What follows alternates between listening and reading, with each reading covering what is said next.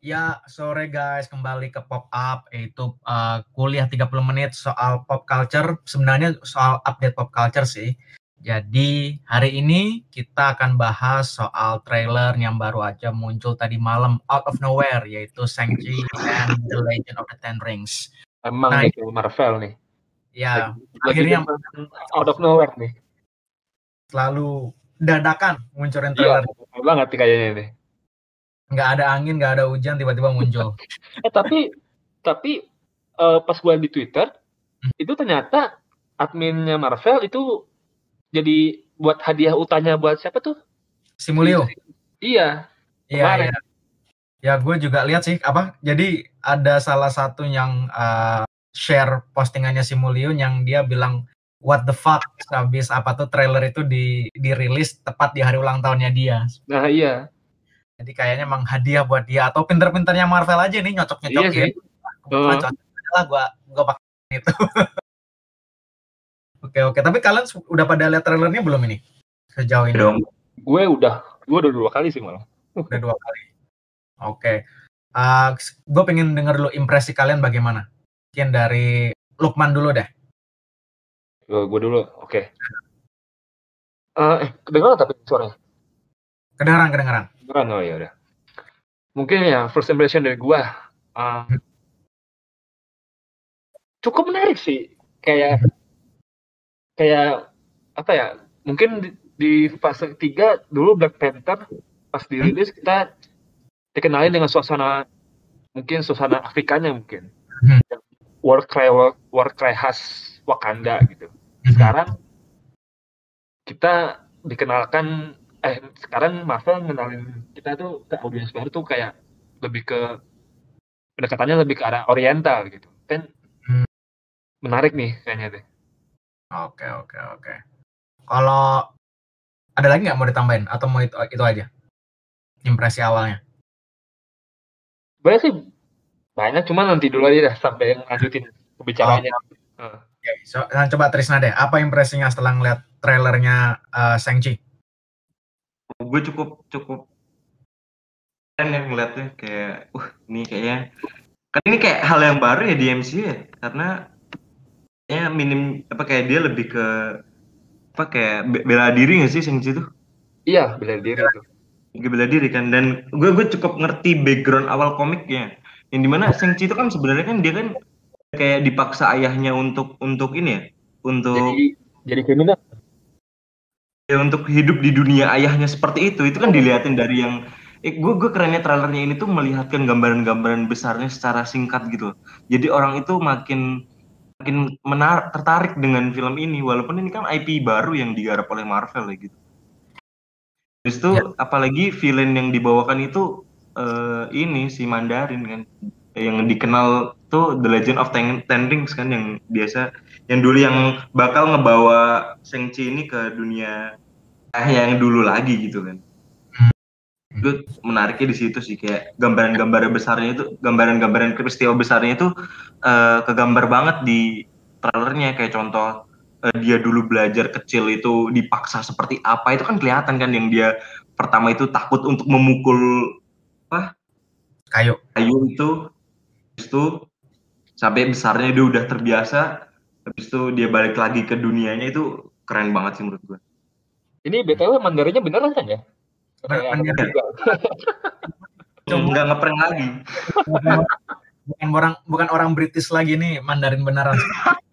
Nih, Mandarin kok orang British ya? Gitu kata aneh juga. ya, tapi uh, apa ya? Gue gue sempat terpikir gini. Jadi Mandarin itu kalau misalnya kita mengacu pada apa yang sudah di setup ini karakter yang bahkan udah di setup jauh lebih awal dibanding Thanos. Thanos kan baru di setup di Avengers pertama. Ini yeah. sejak Iron Man pertama, organisasi Ten Rings sudah diperkuat. Dan di situ kan dijelaskan organisasi Ten Rings kan uh, organisasi teroris uh, internasional. Hmm. Isinya bukan orang-orang Asia aja, maksudnya bukan orang-orang Asia Timur tapi juga Timur Tengah. Buktinya di Afghanistan mereka ada perwakilannya Atau di Rusia, hmm. kalau kalian lihat di Iron Man 2 itu karakter yang ngasih blueprint arc reactor ke Vanko itu yeah. dia ya. juga pakai cincinnya Ten Ring seperti itu. Nah, gue gua pengen melihatnya sebenarnya gue menarik adalah bagaimana Marvel bisa selain menceritakan origin Shang-Chi ini, mereka masih bisa callback ke uh, homage atau teaser-teaser atau clue-clue yang ditaruh bahkan dari film pertama yaitu Iron Man pertama. Nah, apakah itu akan retcon bahwa ternyata yang di film pertama itu adalah Ten Rings-nya uh, yang palsu, yang prank, atau uh, itu Ten Rings yang asli gitu loh. Karena karena kalau kita ngeliat yang di film di trailer Shang-Chi kemarin aja kan ringsnya kan ternyata bukan rings yang dipakai di, cincin, di jadi cincin kan, tapi ya. gelang aslinya. jadi jadi mestinya ten, ten bracelet mestinya, bukan ten rings gitu. Nah, gua gua penasaran apakah akan ada callback ke organisasi-organisasi ten ring yang disinggung di Iron Man 1, Iron Man 2 dan Iron Man 3 atau di retcon bahwa yang di Iron Man 1, 2 dan 3 itu organisasi terpisah yang mengklaim sebagai Ten Rings padahal sebenarnya bukan. Nah, uh, kalau dari uh, version dari presentasinya sendiri deh, menurut kalian gimana bahwa ini akan trial version? Ini suara apa ya? Ada, ada baru trial masuk. version. Ada yang baru masuk dah. Ada yang baru masuk ya? Iya, lagi yes. tes nih itu. Trial version. Ini suara apa ya? Mungkin coba uh, colek Indra deh. Trial Oh, udah hilang tuh?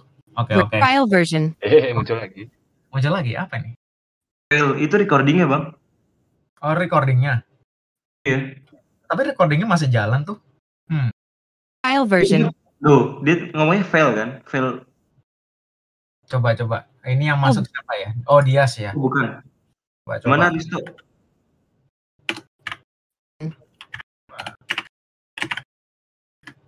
Coba kita. Hey. Trial version. Ya. Colek ke adminnya, moderatornya.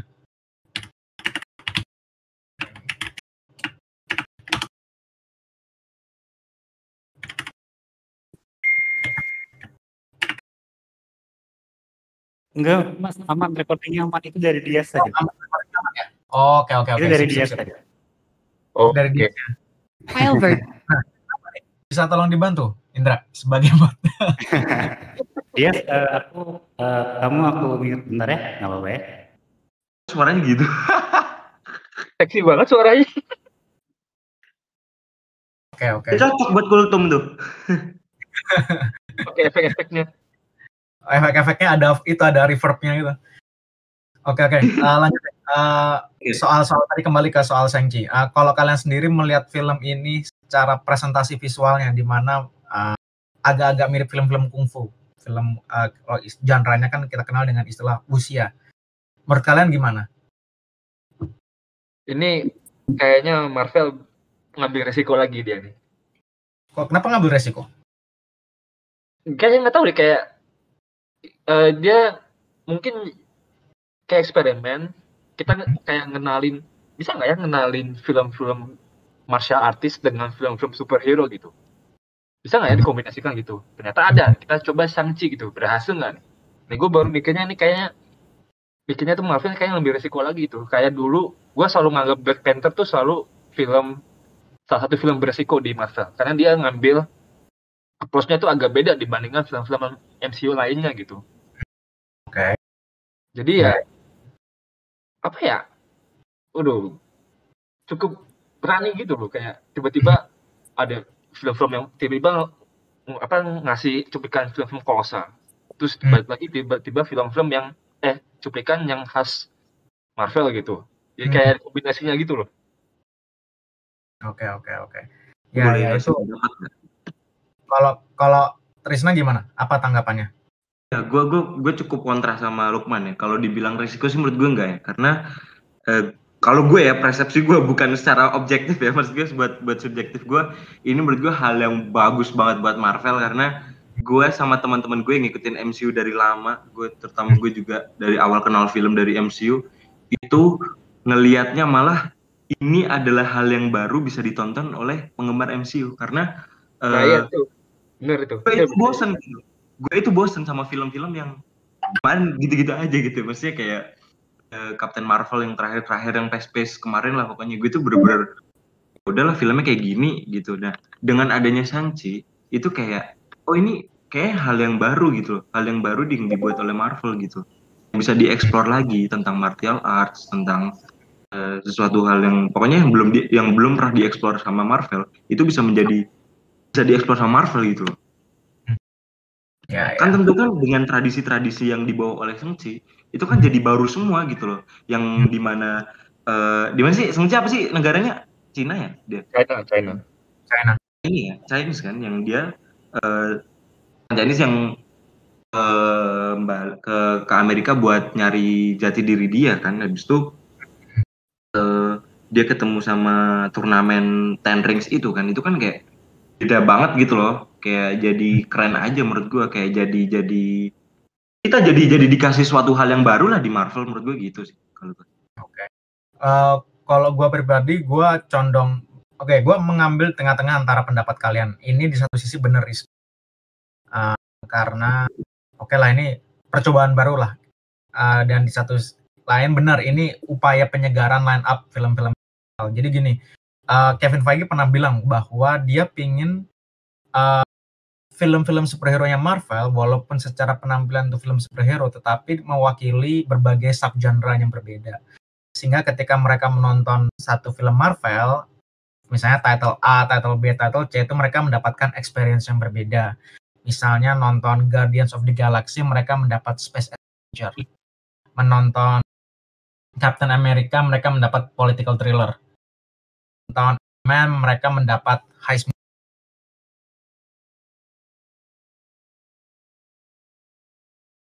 Isman halo Iya. Ya, halo. Oke. Eh, nah, gue tadi ter- sempat terpikir sebentar mikir-mikir judul lain. Eh, apa oh iya, iya.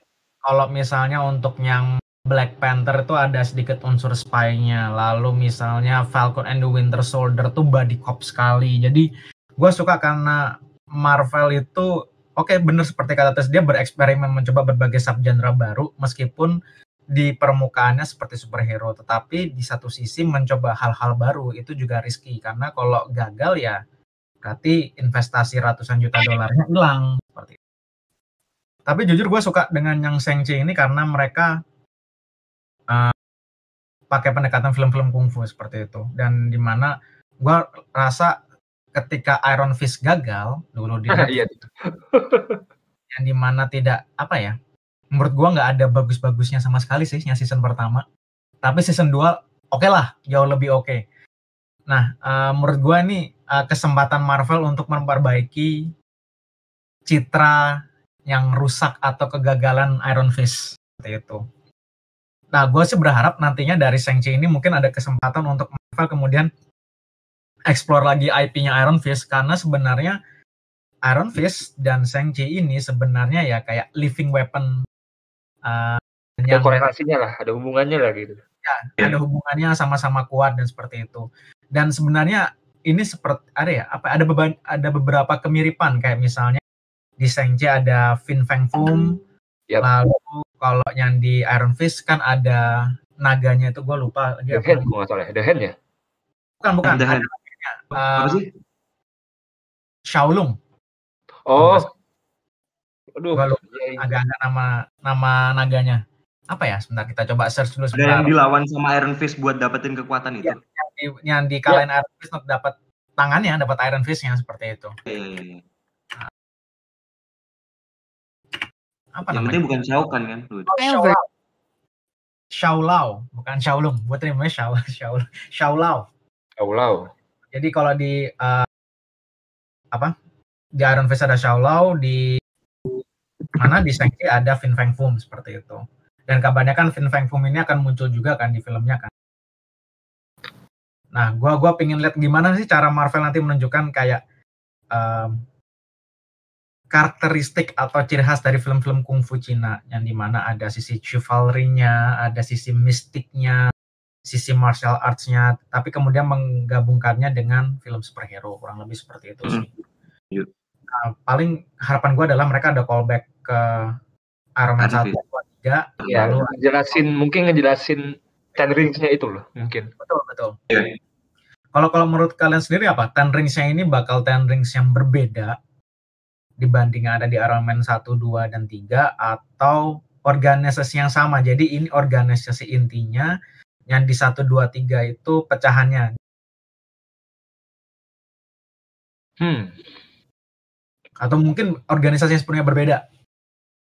gue malah mikir yang Iron Man 1 2 tuh pecahannya mungkin. Pecahannya. Oke, yang tiga yang palsu ya. Iya, pecahannya dan yang aslinya yang di film Shang-Chi ini mungkin. Oke, oke, oke. Kalau Trisna? Halo? Lalu Oh, nggak ada suaranya nih. Mungkin-mungkin lagi ada gangguan teknis. Ya, eh, kenapa yang tiga yang palsu? Apa karena tunggu, kalau di tiga itu kan buatannya si Aldrich Killian itu ya, kalau nggak salah ya. buatannya si Dia meng- mengklaim sebagai Mandarin itu ya. Nah, gua gua tuh kepikirannya gini karena secara tampilan dan konsepnya agak berbeda, gua berpikiran jangan-jangan yang di satu dua itu bentukannya Aldrich Killian juga. Nah, terus kemudian akhirnya di uh, film pendek yang short movie yang Hail apa tuh All Hail the King baru kemudian diungkap bahwa sebenarnya ada organisasi Ten Rings yang asli. Seperti itu loh yang bener-bener behind the scene gitu loh untuk mengatur segalanya. Seperti itu. Gue sempat berpikiran seperti itu. Uh, tapi gua nggak tahu karena Marvel kan bi- bisa aja membuat sering membuat kejutan-kejutan kan? Oh iya jelas. gitu. Jadi kita udah Banyak- berteori Banyak banyak teori tapi akhirnya bear nggak jadi buyar. biar semua gitu kan. Cuma juga jadinya cuman ya ada memang harus diakui ada keasikan untuk berteori gitu. Em, paling itu terus yang gua penasaran lagi tuh adalah ini kan setting timeline itu kapan ya? Itu loh yang gue penasaran. Apakah sebelum Infinity War sebelum Endgame seperti film Black Widow atau sesudahnya? Seperti itu. Kalau sesudahnya eh, kenapa organisasi Ten Rings ini dampaknya atau keberadaannya tidak pernah terasa di luar film Iron Man seperti itu loh. Apakah ini mereka organisasi yang punya specific goals seperti itu? eh, jadi bukan bertujuan untuk menguasai dunia atau bagaimana? Kalau menurut lo sendiri gimana? Atau enggak memang ya the apa Ten Rings yang di film Iron Man yang memang bukan Ten Rings beneran gitu. Dan Ten Rings yang bakal di film Shang-Chi ini yang mungkin bakal jelaskan eh, tujuannya apa sih apa nature-nya tuh seperti apa. Dan gue sih ya memang harapannya ya untuk film Shang-Chi ya ngejelasinnya tentang Ten Rings itu. Karena yang gue sampai sekarang pengen ngelihat itu ya organisasi Ten Rings-nya itu. Karena kan kalau di komik itu kan salah satu influence lah paling ber- paling berpengaruh lah di sebagai tokoh antago- antagonisnya gitu Ya, ya benar. Itu seri yang sampai sekarang belum terjawab soal Hmm. hell Ten Rings. Soalnya gue juga berpikiran gini, apa kalau Ten Rings sebesar itu organisasinya, kenapa Avengers nggak pernah nyadar gitu loh? Apakah jangan-jangan Ten Rings ini eh, segitu jagonya bergerak an, apa tuh uh, behind the scene sampai nggak ketahuan bahkan oleh Nick Fury sekalipun atau gimana gitu atau jangan-jangan seperti apa seperti Wakanda mereka sebenarnya punya Langsung gitu. sangat canggih yang membuat mereka tidak terdeteksi seperti itu. Nah, gue sempat terpikirkan seperti itu. Wan- Wakanda itu kan nggak terdeteksi kan, yang mereka Iya. benar-benar tersembunyi di Afrika. Eh, dan itu mereka terbantu oleh teknologi dari luar angkasa yang kemudian menjadi sumber vibraniumnya mereka. Nah, gue jadi kepikiran gini, karena kalau di komik ring yang dipakai Mandarin itu beberapa adalah dari luar angkasa. Seperti yang itu. memang itu salah satu pemicu untuk apa munculkan Fing Fang Foam itu kalau nggak salah tuh seperti itu. Jangan-jangan sebenarnya Wakanda sama Ten Rings ini punya histori yang sama atau beririsan jangan-jangan seperti itu.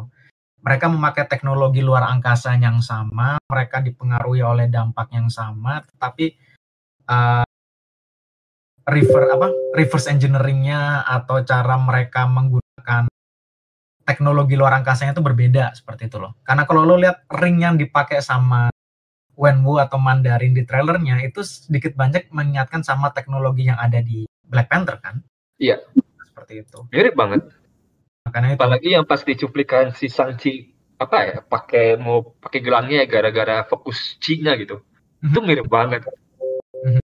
Makanya itu gue berpikiran jangan-jangan gitu lagi. Apa? Uh, oh sebentar sebentar. Ini suara Discordnya kenapa muncul terus? Eh bukan. Gram. Oke. Ting. Hmm. Oke. Sip, sorry sorry. Ya, apa? Ah, gimana gimana bisa diulangi lagi nggak? Tadi yang lo bilang ketika mereka pakai teknologi itu mirip dengan yang di Black Panther ya? Iya, yang pas cuplikan si Shang-Chi make apa? Ya pakai gelangnya itu loh yang buat fokus Shang-Chi-nya itulah. Oh, Mirip oh iya, benar juga ya. Kalau lo lihat di Black Panther kan ketika misalnya uh, and, apa kan salah satu teknologi di Black Panther adalah ketika mereka ditembak atau mereka mendapat tekan kinetik, tekan itu mereka simpan dan kemudian bisa di Diserap lah kekuatannya lah. diserap terus kemudian dihempas seperti itu Iya. kan. Dan itu warnanya ungu kan. Dan apa yang kita lihat di trailernya Shang-Chi kan juga warnanya ungu. Bisa jadi nih. nah makanya itu gua gua berpikiran jangan-jangan ada semacam irisan atau kesamaan histori antara organisasi Ten Rings ini dengan uh, Wakanda gitu loh. Karena mereka nih sama-sama lama dan tersembunyi dan jangan-jangan dengan teknologi tersebut operasional Ten Rings nggak pernah ketahuan sampai sekarang. Hanya desas-desus dan kemudian oleh sejumlah orang Aldrich atau misalnya Aldrich Killian kemudian diklaim oke gue akan pakai nama Ten Rings itu supaya gue ditakutin karena ini udah jadi nama-nama yang ditakuti oleh berbanyak banyak orang. Gue berpikiran bisa begitu sih. Benar juga sebenarnya. Masuk akal. Masuk akal sampai sekarang. Pas tapi pas pas filmnya mun- ah, mulai ternyata salah. benar ternyata, ternyata salah gitu. Iya soalnya gini sejauh ini di Marvel yang Semenjak paling Endgame deh mungkin. Semenjak Endgame sejak Endgame beberapa, beberapa teori-teori yang dibuat oleh fans tuh kadang suka dimainin-mainin juga sama apa studionya gitu. betul betul Iya sih, mungkin tujuan studio Marvel Studio memang gitu supaya orang makin tertarik menonton, makin sering berdiskusi, kemudian saling memba- membanding-bandingkan teori itu kan, teori gue yang paling dekat, teori gue salah seperti itu. Ada ada sense of pride dan ent- entitlement kalau teori lo bener gitu, walaupun Iya, kenyataannya dikit banget yang biasanya bener-bener 100% accurate. Harus diakui Marvel jago bener nyimpan rahasianya. Begitu sih. Hmm. Tapi menurut lo dari sekian banyak teori yang kita obrolin sore ini, mana yang paling kemungkinan paling mendekati benar? Yang paling cocok adalah teknologi tendering Iya. itu yang bisa yang bikin organisasi itu apa terisolasi gitu. Ya. Karena ya, sebenarnya sih gue sih emang kalau kalau bahasa bahas bahas teori pasti nggak jauh-jauh dari komik lah ya. Apalagi kan cerita Shang-Chi, Iron Fist, dan Mandarin bahkan Fin Fang Foom itu kan cukup dekat lah gitu. Setuju sama lo, gue merasa bahwa gini, unsur mistis Kenapa? atau magical di Marvel itu hampir nggak. Ya, nggak, nggak, eh, gue berpikiran sih yang hal-hal yang berbau magical atau mistis selama ini tuh paling dekat ada di filmnya Thor dan itu pun Iya, saya- Thor menyebutnya sebagai science bukan pure magic. Nah, nah makanya itu gue berpikiran kalaupun ada halnya sifatnya mythical atau magical di The Shang-Chi ini itu pasti ujung-ujungnya adalah science lagi. Jadi bukan pure magic, tetapi ada teknologi atau ada uh, benda dari luar angkasa yang memberikan teknologi tersebut seperti itu. Jadi gue gue condong bahwa uh, yang membuat Ten Rings itu begitu terisolasi atau tidak terdengar, tidak terdeteksi adalah teknologi yang mereka dapat dan itu teknologi yang sama dengan yang dipakai Wakanda misalnya seperti itu. Menurut gua ya. Ini udah udah buka puasa ya? Udah azan ya? Dan dikit lagi sih ini. Oh, udah Oh, azan. Gue sih belum. Oh, Paling belum. dikit lagi sih lagi ini. Oke oke kalau karena ini kayaknya udah terdengar suara azan mungkin kita akhiri aja deh biar nanti kalian bisa siap-siap buka puasa gitu. Siapa tahu belum beli tajil kan nanti nggak dapat lagi. gitu. Oke, thank you banget buat diskusinya sore ini. Banyak sih sebenarnya teori-teori yang mau diobrolin tapi takut juga kalau terlalu banyak ngobrolin teori kasihkan bablas udah gitu teorinya salah semua lagi nanti. Malu. Makanya gitu walaupun ya harus diakuin sih ngobrolin teori itu nagih gitu tapi hopefully kami tolong jangan dibully ya kalau teorinya nggak ada yang benar Jangan ya. tolong jangan ya Ini kita teori berbasis first impression doang kok. Iya iya ini baru-baru trailer pertama mungkin nanti trailer kedua teori kita berubah lagi seperti itu Oh, soalnya kan poster Marvelnya belum keluar. Itu kan, itu kan baru poster teasernya. betul poster khas Marvelnya pas keluar, oh langsung, oh ini nih, oh ini nih. ya, betul, muncul betul. lagi. Mungkin kita harus jadi seorang teoris Oke, thank you banget guys. Ketemu lagi nanti uh, di sahur on Discord, uh, yaitu follow up dari pop up jam 5 pagi. Jadi uh, paling cuma 30 menit, seperti biasanya kultum kuliah 30 menit. Uh, gua belum Eh, tahu? Jam biasanya tuh. gimana. Yang sahur bukan jam 4 ya? Apa jam 5? Sahur jam 4 ya? Oh iya bener, sorry sorry. Ya sorry, maaf bukan jam 5 tapi jam 4 sore maaf. Eh sampai jam 4 pagi. Maklum, uh, sayanya nggak puasa, jadinya suka lupa. Oke, em, nanti yang akan mimpin namanya Andri, eh, dia yang akan Ini apa? Ya ini ada yang muncul udah telat. Maaf. ya. Oke guys, sampai ketemu. Kalian nggak pada buka sih. Oke, sampai ketemu nanti di Saron Discord jam 4 pagi.